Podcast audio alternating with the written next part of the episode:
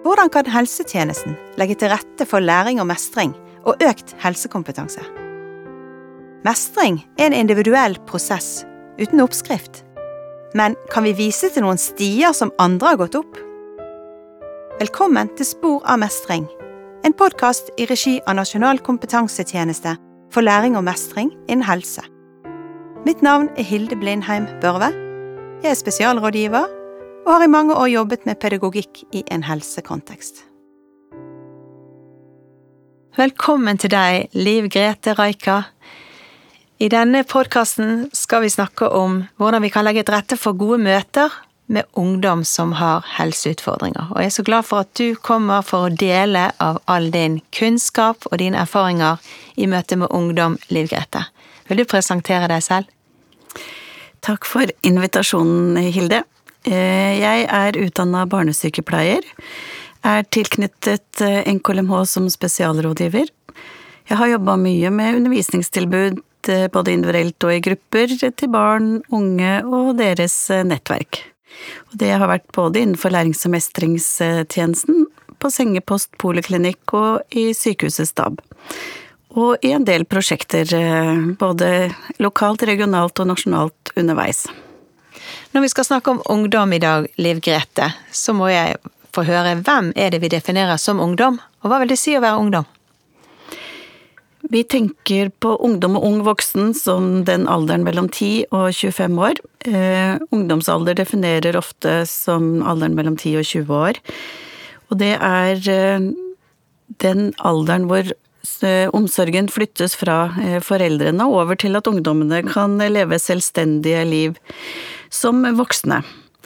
Eh, og så er det jo noe å tenke på, da, at det er store forskjeller selvfølgelig mellom en tiåring og en 20-åring, men det er også store forskjeller hvis vi sammenligner alle 13-åringer. Så det er ikke så lett alltid å definere det som en gruppe. Kan du si litt om de forskjellige fasene? I og med at det går fra 10 til 25, så er det et stort sprang, som du sier. Kan du beskrive disse ulike fasene, hvordan du deler de opp? Eh, mange deler det i tidlig mellom og sein ungdomstid. Og da vil jo tidlig ungdomstid være alderen mellom 10 til 13-14 år. Og det er jo en alder hvor eh, kroppen endres mye. Eh, mange ungdommer kjenner ikke igjen kroppen sin nettopp pga. disse endringene, og kan da gjøre at de gjør andre valg enn eh, det de ville ha gjort, som vi kan tenke at er dårlig oppfølging av sykdom, men som rett og slett er at de ikke kjenner igjen kroppen sin. Noen føler at de er gjennomsiktige, at de står på en scene hele tiden og tenker at alle ser på dem når de kommer inn på bussen. Og de kan bruke masse energi på å tenke på om de er normale, eh, hva andre tenker om de, hvem de selv eh, ønsker å være. Det går med mye tid til dagdrømming i den alderen her, men eh, familien er fortsatt sentral og har gode muligheter til påvirkning i denne tidlige ungdomstiden. Og så er det viktig for oss som helsepersonell som skal legge til rette for disse gode møtene, å huske at den kognitive evnen er fortsatt dårlig utvikla her. Den er selvfølgelig mye bedre enn når de er barn, men det er vanskelig for ungdommer i denne alderen å forstå eh, abstrakte tilnærminger, eh, og tidsbegrepet det er ufullstendig. Så her har en hjelp av sine foreldre i denne perioden, naturligvis. Og, og mye informasjon går jo òg gjennom foreldrene. Og i løpet av ungdomstiden så skal de jo i større grad ta vare på sin egen helse. Så kan du si litt om den neste perioden, Liv Grete? Da har vi kommet inn i det vi ofte kaller mellomungdomstid, som er alderen mellom 14 til 16-17 år. Og dette er kanskje den alderen hvor det skjer mest. Eh, her er det mye eksperimentering og endring av roller.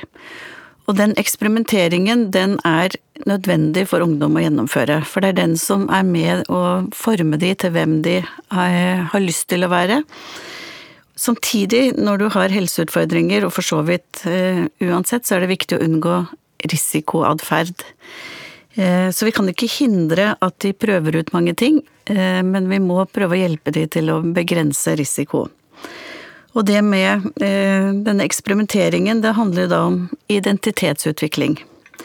Hvem vil jeg være, hva tenker jeg i forhold til venner, hvilke verdier er viktige for meg, hva tenker jeg om militæret, om rus, seksualitet, osv. Eh, og all eksperimentering foregår ikke i virkeligheten, en god del foregår inni hodene eh, deres også. Og i den eh, alderen her, eh, så er det et skifte i forhold til hvor eh, de opplever å finne størst eh, sånn tiltro. Familien reduseres litt sånn i forhold til viktighet, og så er det venner som seiler opp som en vikarierende familie. Så det å tilhøre en flokk betyr mye. Og det å leve liv som er likt det andre ungdommer gjør, er kjempeviktig i den alderen her. Så foreldrene settes på mange måter litt til side samtidig som de er fremdeles veldig viktig, men så skal man da som foreldre akseptere at nå er vennene og flokken kanskje viktigere. Oppleves i hvert fall viktigere. Ja, og det kan jo føre til en del konflikter, både fordi at eksperimenteringen foregår, og fordi at foreldrene kan oppleve at eh, de slipper taket mm. og orienterer seg mot, eh, mot vennene sine. Og i den alderen her så er det jo ofte sånn at vi kan møte ungdommer som snakker til oss som om de er voksne, som har et godt språk, men hjernen er fortsatt ikke ferdig utvikla. Så det å forstå konsekvenser av valg de gjør nå, er vanskelig for de, eh, og det gjør jo at dette med risiko kommer inn. Og gir utfordringer både for foreldrene, men også for oss som helsepersonell i møte med ungdommene.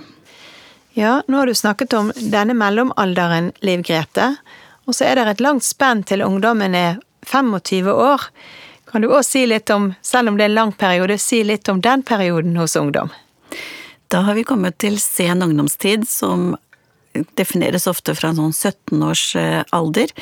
Og nå begynner jo eh, hjernen å modnes eh, mer, og det betyr at de forstår mer av abstrakte forklaringer. Og tidsbegrep er også bedre, sånn at de kan i større grad tenke seg inn i fremtiden, også i forhold til det her med seinkomplikasjoner. Eh, de lander litt, så det er mye glede her eh, hos foreldrene som nå oppdager at ungdommene deres eh, er der. Men det er fortsatt viktig da med venner, kjæreste og definering av hva de ønsker med fremtiden sin. Hva vil de studere, hva tenker de seg i forhold til jobb? Og i denne alderen så kan det vi kaller fremtidspessimisme komme. Og det handler om at man nå begynner å ta inn eh, en sånn forståelse av virkeligheten, og man kan bli redd for at jeg kommer ikke til å få meg kjæreste, jeg som har stomi, eller jeg som er kortvokst. Eh, jeg er redd for at jeg ikke kan klare å gjennomføre studiet, har så høyt eh, fravær. Hvis jeg ikke får studert, så får jeg ikke jobb. Og i en sånn fremtidspessimisme så anbefaler litteraturen ikke at vi bytter et fungerende oppfølgingstilbud. Mens eh, i Norge så er det jo sånn at eh, når du blir 18 år, så vil i stor grad overføringen skje til voksenorientert helsetjeneste, og det kan være utfordrende. Også i forhold til eh, at mange flytter i forbindelse med studier i den alderen her. Ja, det er en veldig sårbar fase. Selv om voksenlivet inntrer, så er det veldig mange endringer som skjer akkurat i den perioden, som du sier, Liv Grete. Men nå har vi snakket om alle disse ulike aldrene hos ungdom som har et stort spenn. Ehm, ehm, for å oppnå god mestring av sykdom, så kan det være krevende for alle mennesker. Men hvordan er det spesielt å mestre sykdom når man er ung? Kan du komme med litt eksempler på det, Liv Grete? Det, jeg tenker at det handler både om det å leve med eh, helseutfordringer, Eh, men også med ulike funksjonsvariasjoner. Eh, og det er et skille eh, for mange mellom det å leve med usynlig sykdom, hvor de bruker mye krefter på å skjule helseutfordringene sine, som kan gi vanskelige situasjoner i forhold til at man ikke har vist at man har insulinpumpe, at man ikke har fortalt om alvorlige allergier, medisiner man står på. Men også i forhold til de som har synlige eh, helseutfordringer og funksjonsvariasjoner, som kan kjenne på det å være annerledes, eh, og det såre og vanskelige med det, som eh, jeg tenker at både vi som helsepersonell og nettverket rundt ikke må avfeie, men må ta på alvor og møte de på. Men generelt så er det jo noe med å møte hvem disse ungdommene er.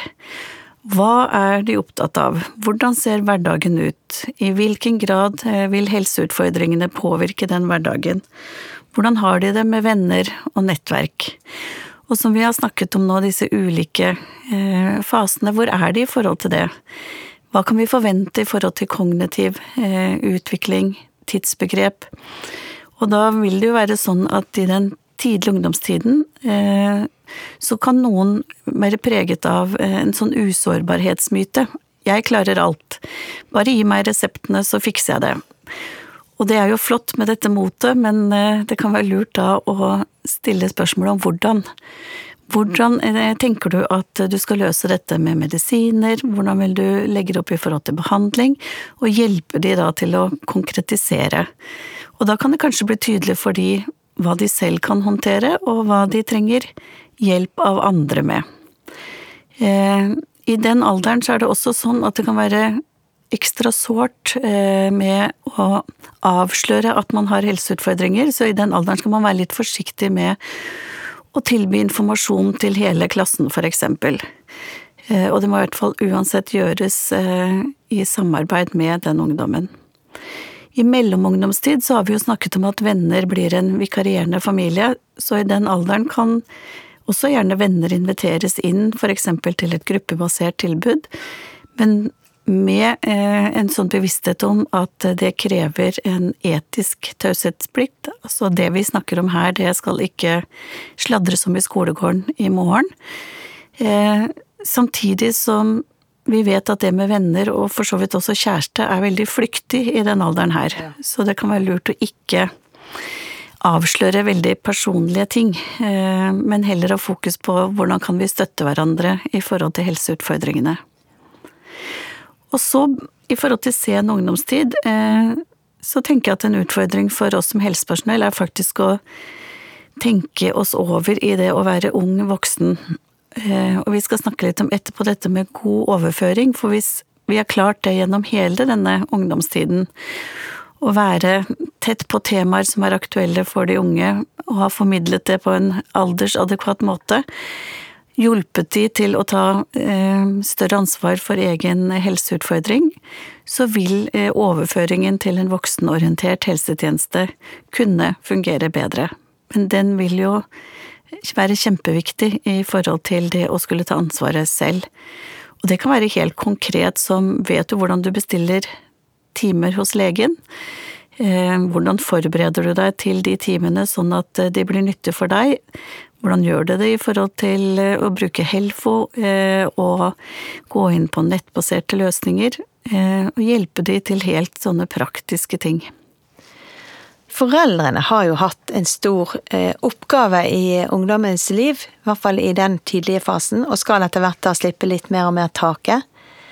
Men hvordan kan dere som helsepersonell samarbeide med foreldre i disse overgangene fra de har kontroll til at de skal slippe taket? I hvilken grad kan dere bidra til at foreldrene slipper litt taket? Foreldresamarbeid er et sentralt tema gjennom hele ungdomstiden, og det krever at vi endrer roller, at de endrer roller, og ungdommene endrer roller gjentatte ganger.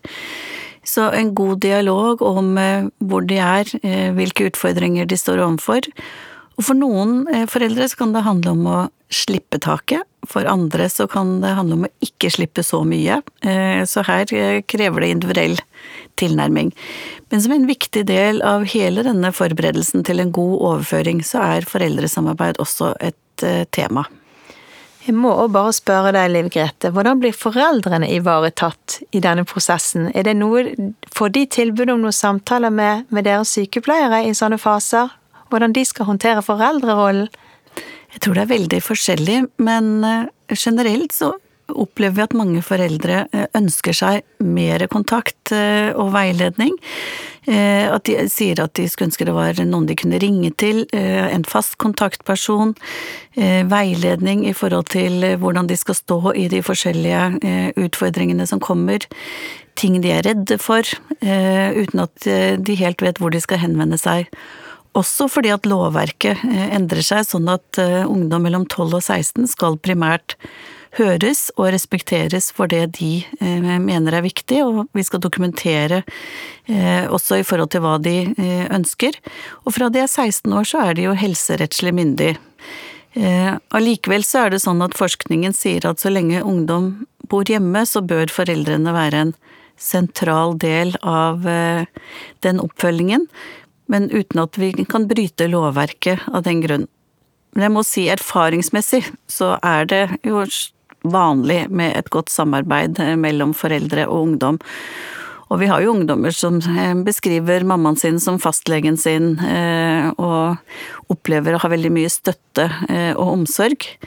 Men så har vi også det motsatte med ungdommer som i sinne sier at vi bare snakker til foreldrene deres og ikke til de. Så det er et spenn i dette samarbeidet.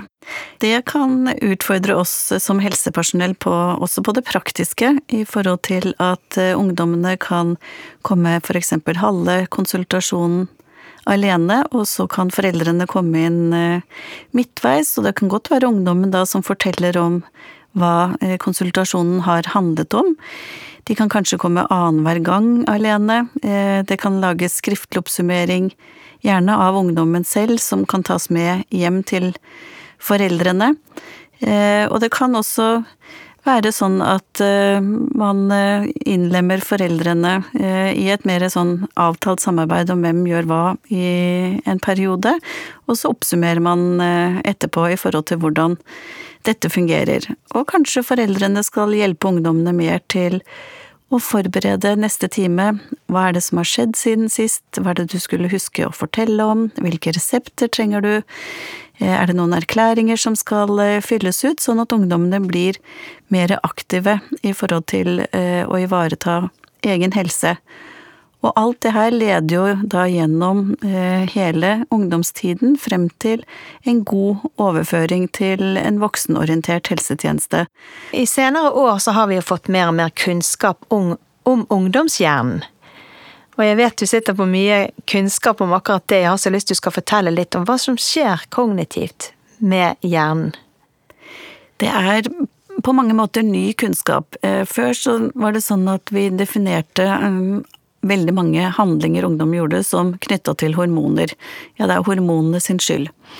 Nå vet vi at hjernen ikke er ferdig modna før et sted mellom 20 og 25 års alder. Eh, og det som modnes sist, det er hjernens dirigent, eh, som på en måte styrer hele det orkesteret hjernen er. Så det betyr at eh, i denne alderen så er det mange, mange eh, ulike områder i hjernen som skal finpusses. Og det som finpusses, er det som brukes mest, og det er jo for at det skal bli hensiktsmessige og gode eh, overføringer mellom de ulike hjernedelene. Eh, og her er også det sosiale en viktig del av den utviklingen. Så det er ikke bare velvære med det å ha venner, men det er en viktig del av hjernens utvikling å få øve seg på sosiale relasjoner. Følelsene er veldig sterke eh, i denne alderen, og de er orientert mot eh, belønning. Så eh, handlingene vil ofte være også orientert mot kortsiktighet og det som kjennes ut som raske kick. Og når vi allerede nå har snakket om dette med tidsbegrep og manglende abstrakt forståelse, så vil f.eks. en fest på lørdag være mye viktigere enn eh, mulige seinkomplikasjoner 30 år frem i tid. Eh, det at eh, dirigenten ikke er på plass, det vil si at pannelappen er det siste som modnes, og det er her hvor det å kunne tenke gjennom risiko, det å tenke gjennom hva er gode valg for meg, hva innebærer disse valgene, det å holde fast ved en tanke lenge nok til at du kan gjennomføre det, altså et arbeidsminne. Eh, det å kunne bremse opp på følelser, altså alle disse tingene, de kommer seinere på plass eh, hos ungdom. Og det vil jo få konsekvenser i våre møter med de i forhold til det å leve med helseutfordringer, hvor da disse kickene med å døgne i rundkjøring med de andre russen, eh, det å dra på hyttetur selv om det blir lite søvn, og drikking, eh, disse ungdomsrelaterte temaene, de vil ta mye mer plass enn det både foreldrene og vi som helsepersonell kan tenke er fornuftige valg i denne alderen her. Ungdommer i dag har jo mobil alle sammen, og det er jo nesten en del av kroppen blitt hos både ungdom og oss voksne. Men kan det være en styrke oppi det hele hos mennesker med langvarige helseutfordringer eller funksjonsnedsettelser, Liv Grete? Det er som du sier, Hilde. Mobilen eh, er jo nærmest eh, blitt noe som sitter fast i hånda. Eh, det gjelder jo ikke bare ungdom. Jeg tenker at vi er litt urettferdige når vi peker på de med det. Men det som er, er at ja, sosiale medier og ulike plattformer gir jo en mulighet til å nå andre på andre arenaer, og kan være en måte å treffe andre ungdommer som har samme helseutfordring som deg, eksempel hvis du har en sjelden eh, sykdom, eh, så kan du treffe andre som du ellers ikke ville ha truffet. Du kan eh, få kontakt via brukerorganisasjoner. Du kan finne læring eh, på nettet, og det finnes en god del gode nettsider. Men det som er noe av utfordringsbildet, er at det er jo ikke lett for ungdommen å vite hva som er god kunnskap der ute, så de trenger vår veiledning til trygge og gode nettsteder. Og så må det jo også sies noe om at uh, det er jo mye Mange som opplever utfordringer også knytta til denne mobile virkeligheten. Det ene er sånn som vi snakket om i stad, med at eh, de er orientert mot raske kick. Og den mobile verden er jo laget sånn med disse korte videoene, mye underholdning, eh, som gjør at du bare suges inn i etter hvert mange timer eh, på mobilen, og det gjør at du har jo aldri fri. Det andre er jo de negative tingene med å oppleve at man er stengt utenfor eh, fellesskapet, og også det med en mobbing som du ikke får fri fra. Så det er eh, på godt og vondt, og utfordrer også oss helsepersonell til å ha kunnskap og innsikt, og kunne ta samtaler knytta til den digitale virkeligheten som de lever i. Og kanskje som en liten sånn tilleggsutfordring, så er jo dette med søvn da en utfordring for en del. Fordi vi vet nå at de har en forsinket melatoninfrigjøring, det vil si at de blir trøtte seinere enn oss, og det henger de lenger på morgenen, sånn at de blir ufrivillige B-mennesker. Og jeg tror at som eh, både foreldre og helsepersonell, så er det lett å tenke at ja ja, men du får jo bare legge deg i tide og stå opp i tide. Men vi har mer og mer forskning på at uh, dette er jo prosesser som går i kroppen, og som gjør at de på mange måter vil ha godt av å starte dagen litt seinere enn det mange av oss andre gjør.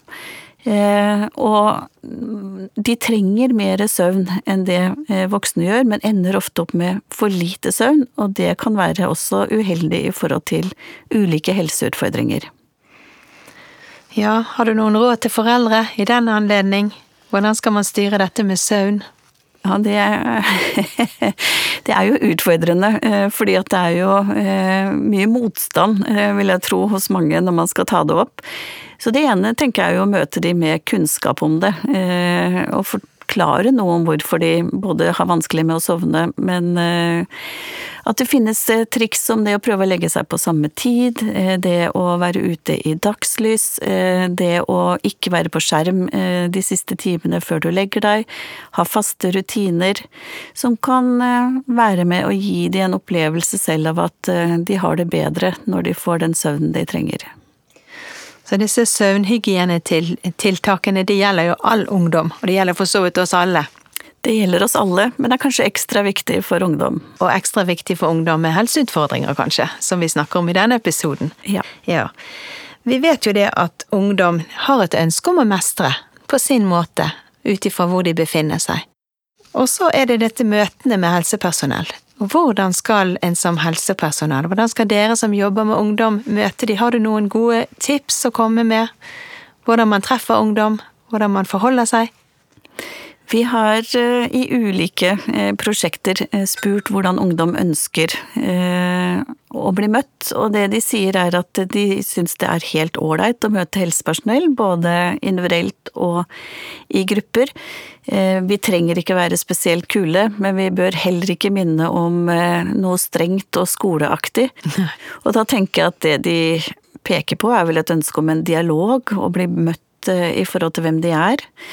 Erfaringsmessig så er journalen et dårlig utgangspunkt for å bli kjent med noen, den forteller bare deler av virkeligheten, så det å sette av tid til en samtale med hvordan er livet ditt, eh, hvordan har du det i forhold til den flokken du ønsker å tilhøre, eh, hvordan påvirker helseutfordringene hverdagen din, eh, og ta høyde for at, som du sa innledningsvis nå, Hilde, at det er jo livet utenfor sykdommen som er viktigst.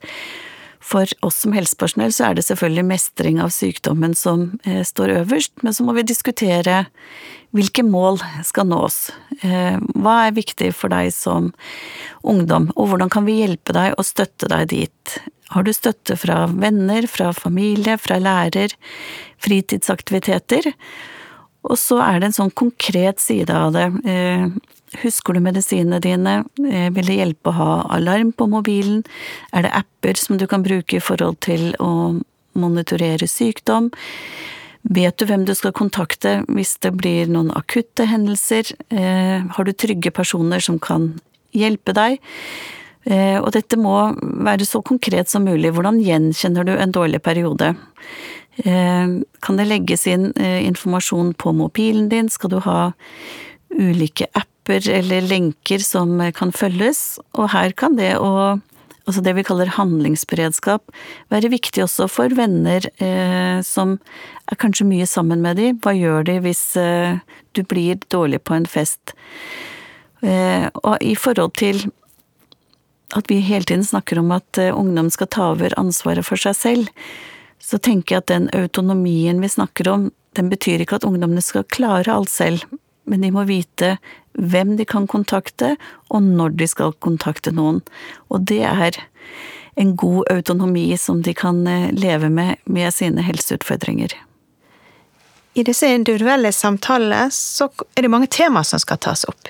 Er det noen spesielle temaer som kan oppleves vanskelig å snakke om? Jeg tror, og erfarer for så vidt også, at eh, helsepersonell kan eh, synes seksualitet er vanskelig å ta opp. Eh, samtidig som det én er viktig for alle ungdommer, og to kan være ekstra viktig f.eks. For i forhold til helseutfordringer eller eh, funksjonsvariasjoner, hvor det kan være snakk om det å være redd for eh, å være nær andre hvis kroppen er annerledes med stomi eller med at man mangler en fot eller en hånd, eller at man sitter i rullestol. Og det at det finnes eh, gode nettsteder og gode hjelpemidler. Og da vil eh, vår oppgave som helsepersonell være å veilede eh, til det. Og så tenker jeg at når det er vanskelige temaer, så er humor viktig. Det kan dempe noe av det ubehaget rundt et vanskelig tema. Eh, samtidig så opplever vi også at en del ungdom gjerne bruker nettbaserte eh, tjenester, hvor det å være anonym kan være en fordel, eller det eh, å kunne sende et spørsmål uten at det må gjøres med øyekontakt.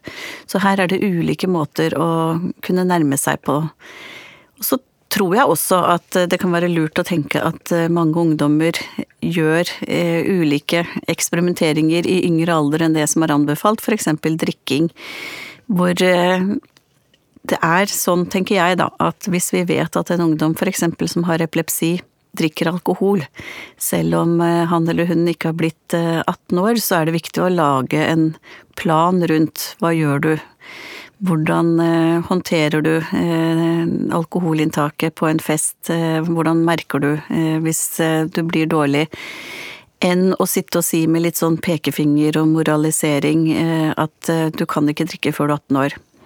Vi skal selvfølgelig opprettholde eh, en tanke og en, en formidling om at det er 18 års aldersgrense, men det er også sånn at disse ungdommene møter både lovlig og ulovlig rusmidler, ofte i en yngre alder, og kan trenge hjelp med å unngå risiko.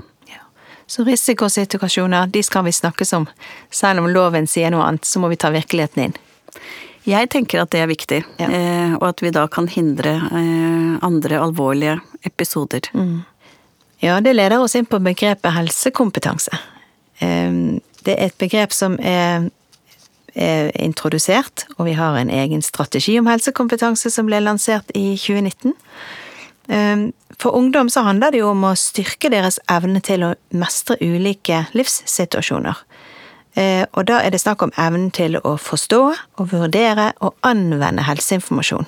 For å kunne treffe kunnskapsbaserte beslutninger relatert til egen helse, er jo definisjonen på dette. Så det er både beslutninger om valg av livsstil, sykdomsforebyggende tiltak, egenmestring og bruk av helse- og omsorgstjenesten.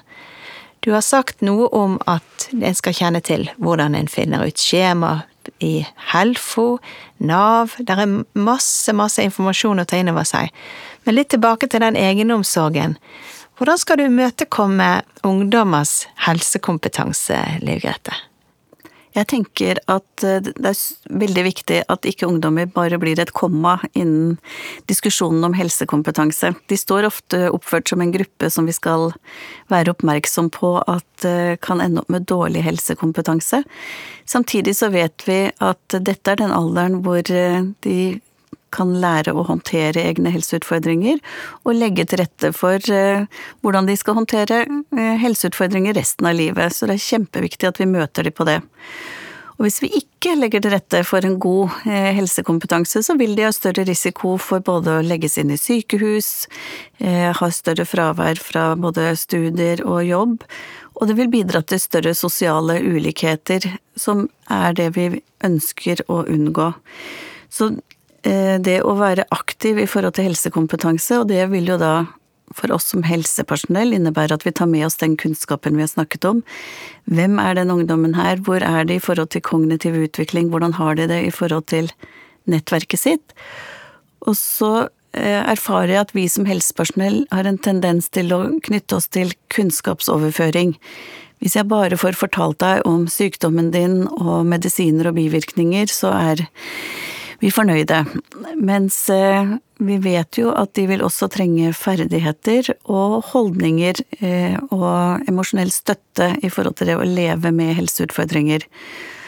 Og selvfølgelig er kunnskap viktig eh, i forhold til det å leve med helseutfordringer, men også ferdigheter i forhold til vet du hvordan du skal bruke ulike device, som vi sier, altså ulikt utstyr. Kanskje er det foreldrene som har fått opplæring, og ikke ungdommen selv. Eh, de vil ikke ha erfaringer med å stå i ulike situasjoner, for det er foreldrene som har vært der og ryddet opp tidligere. Så hva gjør de hvis de er eh, på alpintur og oppdager at eh, medisinene ikke er med opp på fjellet?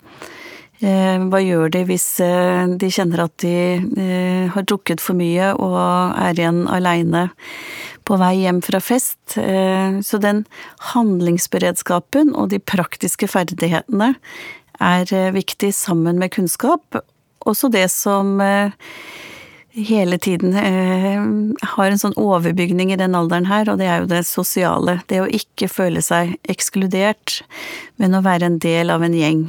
Og at det er livet da utenfor helseutfordringene som er viktigst. Så hvordan kan vi legge til rette med kunnskap og ferdigheter på en sånn måte at de ikke opplever separasjon og tap, men kan oppleve vekst og mestring, og dermed bidra til en god helsekompetanse som må utvikle seg hele tiden. Det er viktig at vi ikke tenker at å ja, men du fikk jo undervisning når du var tolv år. Dette er noe som må fylles på gjennom hele ungdomstiden, nettopp for å kunne bidra da til en god overføring over i voksenorientert helsetjeneste. Og alt det du har snakket om nå, Liv Grete, pleier du å ha en fin benevnelse på. Du kaller det for hode, hjerte og hånd. Og det syns jeg er en fin avrunding på det vi har snakket om akkurat nå.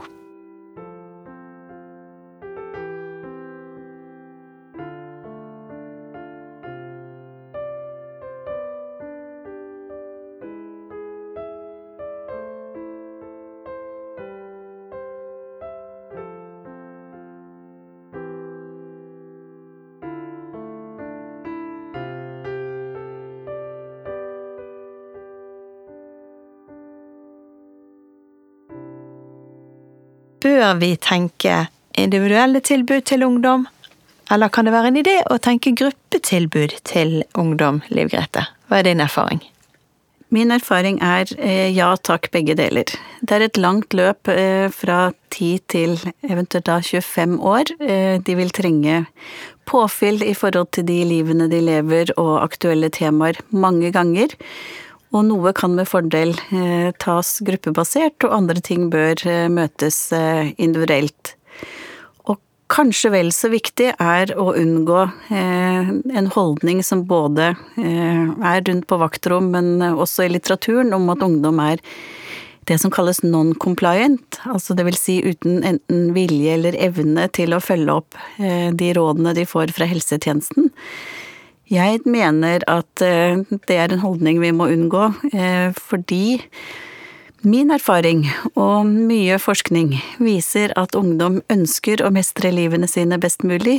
De gjør det som virker mest fornuftig eh, for dem. Og vår oppgave og vårt ansvar er å legge til rette for nettopp den læringen og mestringen, både individuelt og i grupper. Hvilke holdninger har vi til ungdom? Ja, det er jo Veldig generelt spørsmål, men, men har vi noen spesielle holdninger overfor ungdom som samfunn? Det er i hvert fall sånn at ungdommene selv peker på eh, det de kan oppleve som negative holdninger. Eh, jeg tror alle vi har opplevd å komme til butikken ved lunsjtider, og så står det en lapp på døra og bare fem ungdommer inn samtidig. Underteksten kunne jo da like gjerne være 'fordi dere stjeler', og det er vel ingen andre grupper i samfunnet vi kunne ha hengt en tilsvarende lapp på døra i forhold til. Og de opplever å få skylda for uh, ting de ikke har gjort, uh, altså når noe er ødelagt, eller når noen har kasta fra seg noe søppel. De opplever uh, bussen som kjører fra de når de kommer løpende, mens den stopper og venter når det er eldre personer som kommer litt forsinket. Så jeg tror at det er mange ting vi kan tenke på, fordi som voksne så har vi en tendens til å si at de må behandle oss med respekt, men respekt må gå begge veier. Og at kanskje noe av det uttrykket som alltid har vært ungdommens identitet, eh, det å se annerledes ut, gjøre annerledes enn voksne, det kan virke litt skremmende. Og at eh, hvis i møte med ungdom, for eksempel da, hvis du møter en ungdom eh, til konsultasjon og han sitter med lua godt trukket ned i ansiktet og gjesper høylytt, så kan jo det skape usikkerhet hos oss. Men vi kan jo da bare spørre Kjeder jeg deg? Er det noe annet vi burde snakke om? Jeg blir litt usikker når jeg ser at du gjesper sånn. Eh, er det noe annet eh, du vil at vi skal eh, ha fokus på i dag? Istedenfor å gå ut og snakke negativt om de. Min opplevelse er at det er kjempegøy å jobbe med ungdom. Jeg vet at mange gruer seg for å tilby gruppetilbud til ungdom. Det kan være krevende, som du sier, for det har jo litt med våre holdninger. Det ofte skyldes jo usikkerhet hos oss som skal møte ungdom. Men hvordan kan vi lykkes med gruppebaserte tilbud?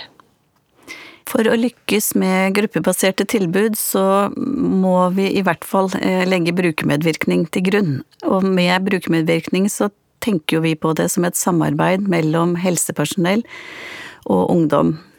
Og det er jo ikke sånn at eh, tilbudet skal lages utelukkende ut fra hva ungdommen ønsker, det skal være fra begge parter.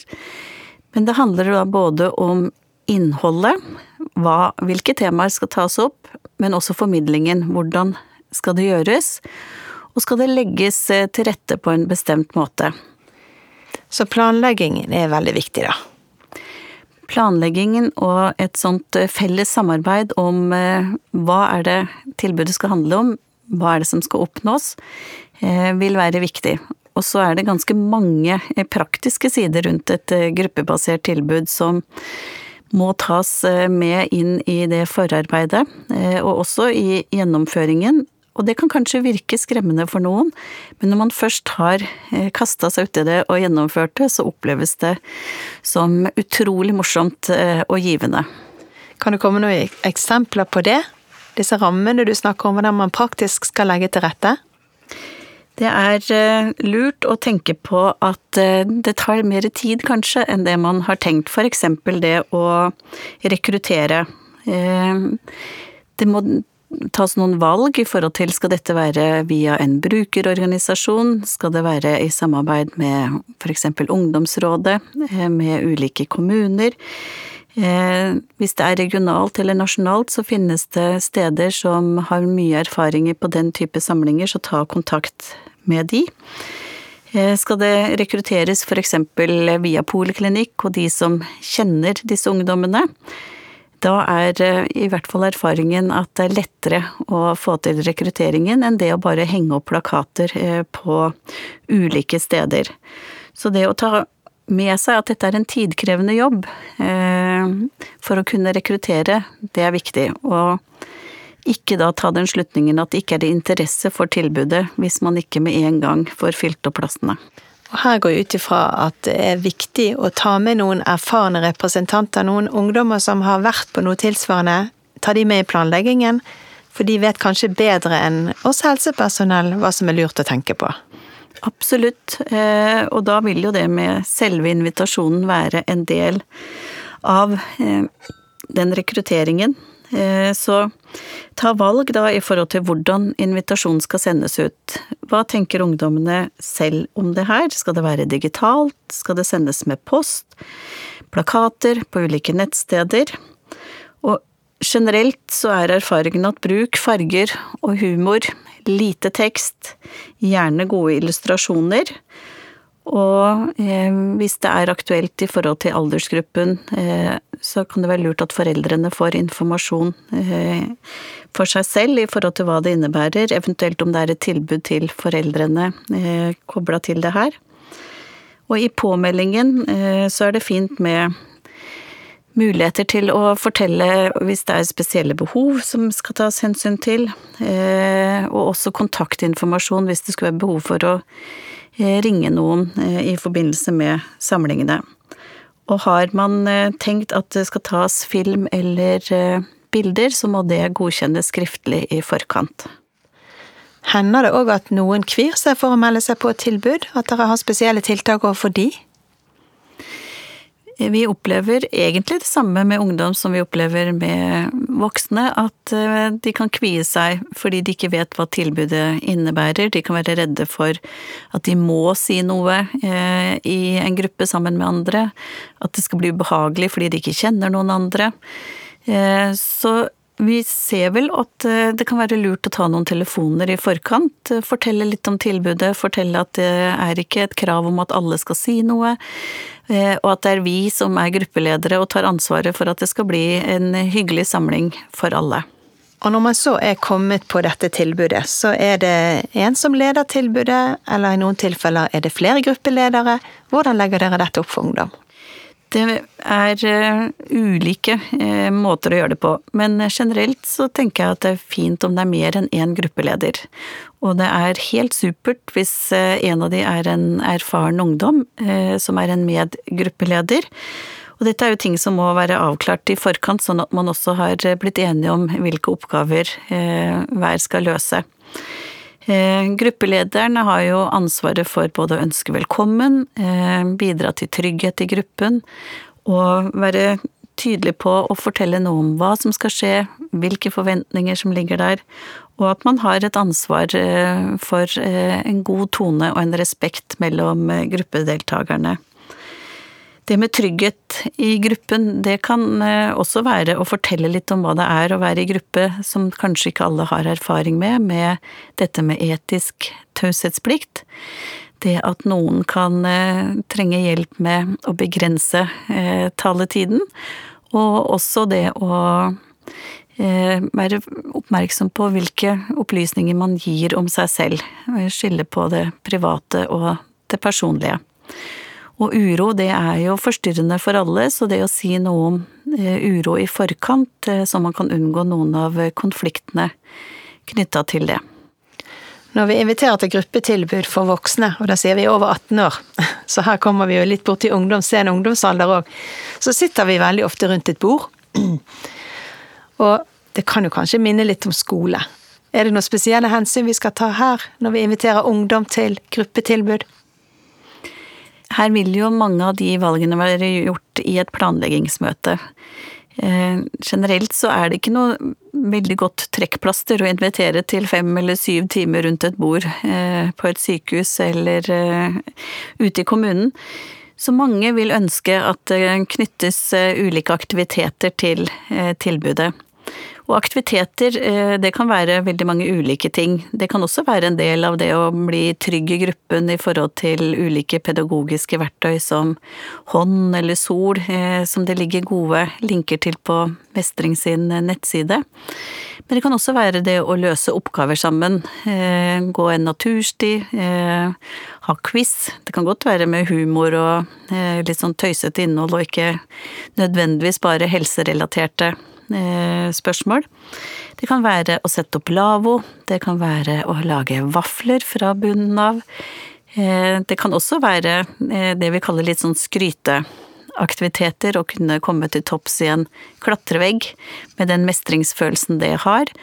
Det å kunne padle, sånn at man kan komme på skolen dagen etter og si at i går eh, kom jeg til topps i den klatreveggen istedenfor at i går satt jeg fem timer eh, inne på sykehuset.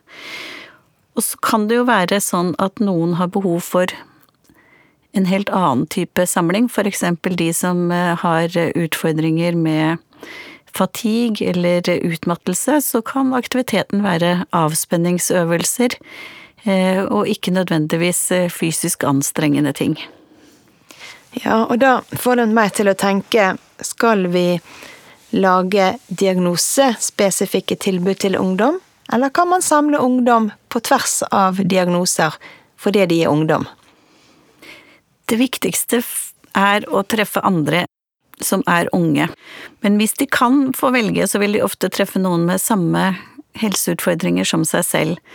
Og kanskje er det ekstra viktig der hvor det er eh, en sjelden diagnose, eller hvor du bor sånn til at ikke du har truffet noen andre som har de samme utfordringene som deg.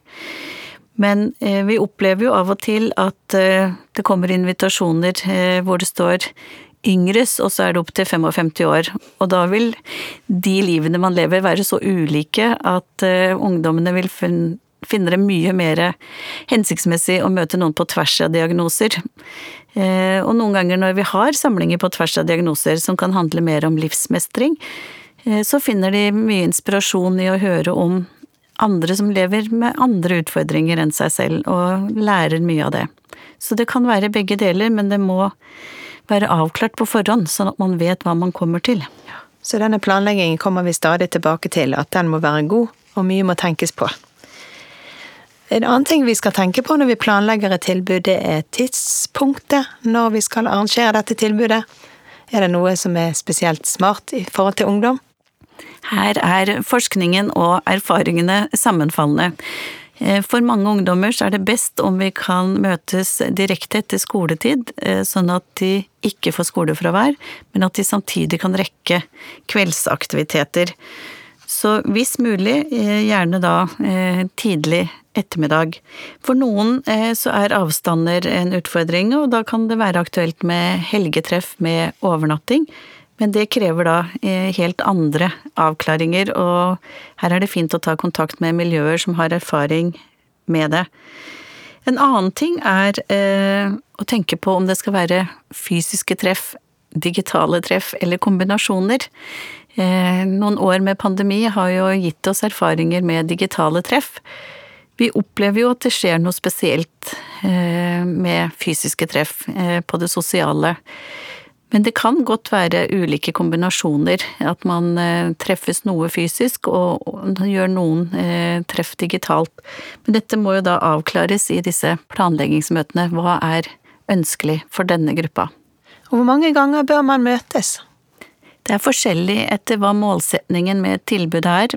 For noen så er det ett møte, men da får man jo ikke en gruppeprosess på samme måten.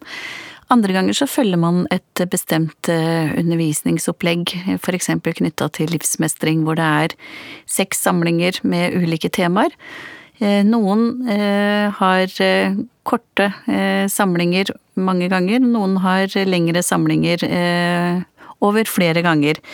Det som er viktig, er at det er avklart på forhånd, sånn at alle vet hva som ligger i pakka.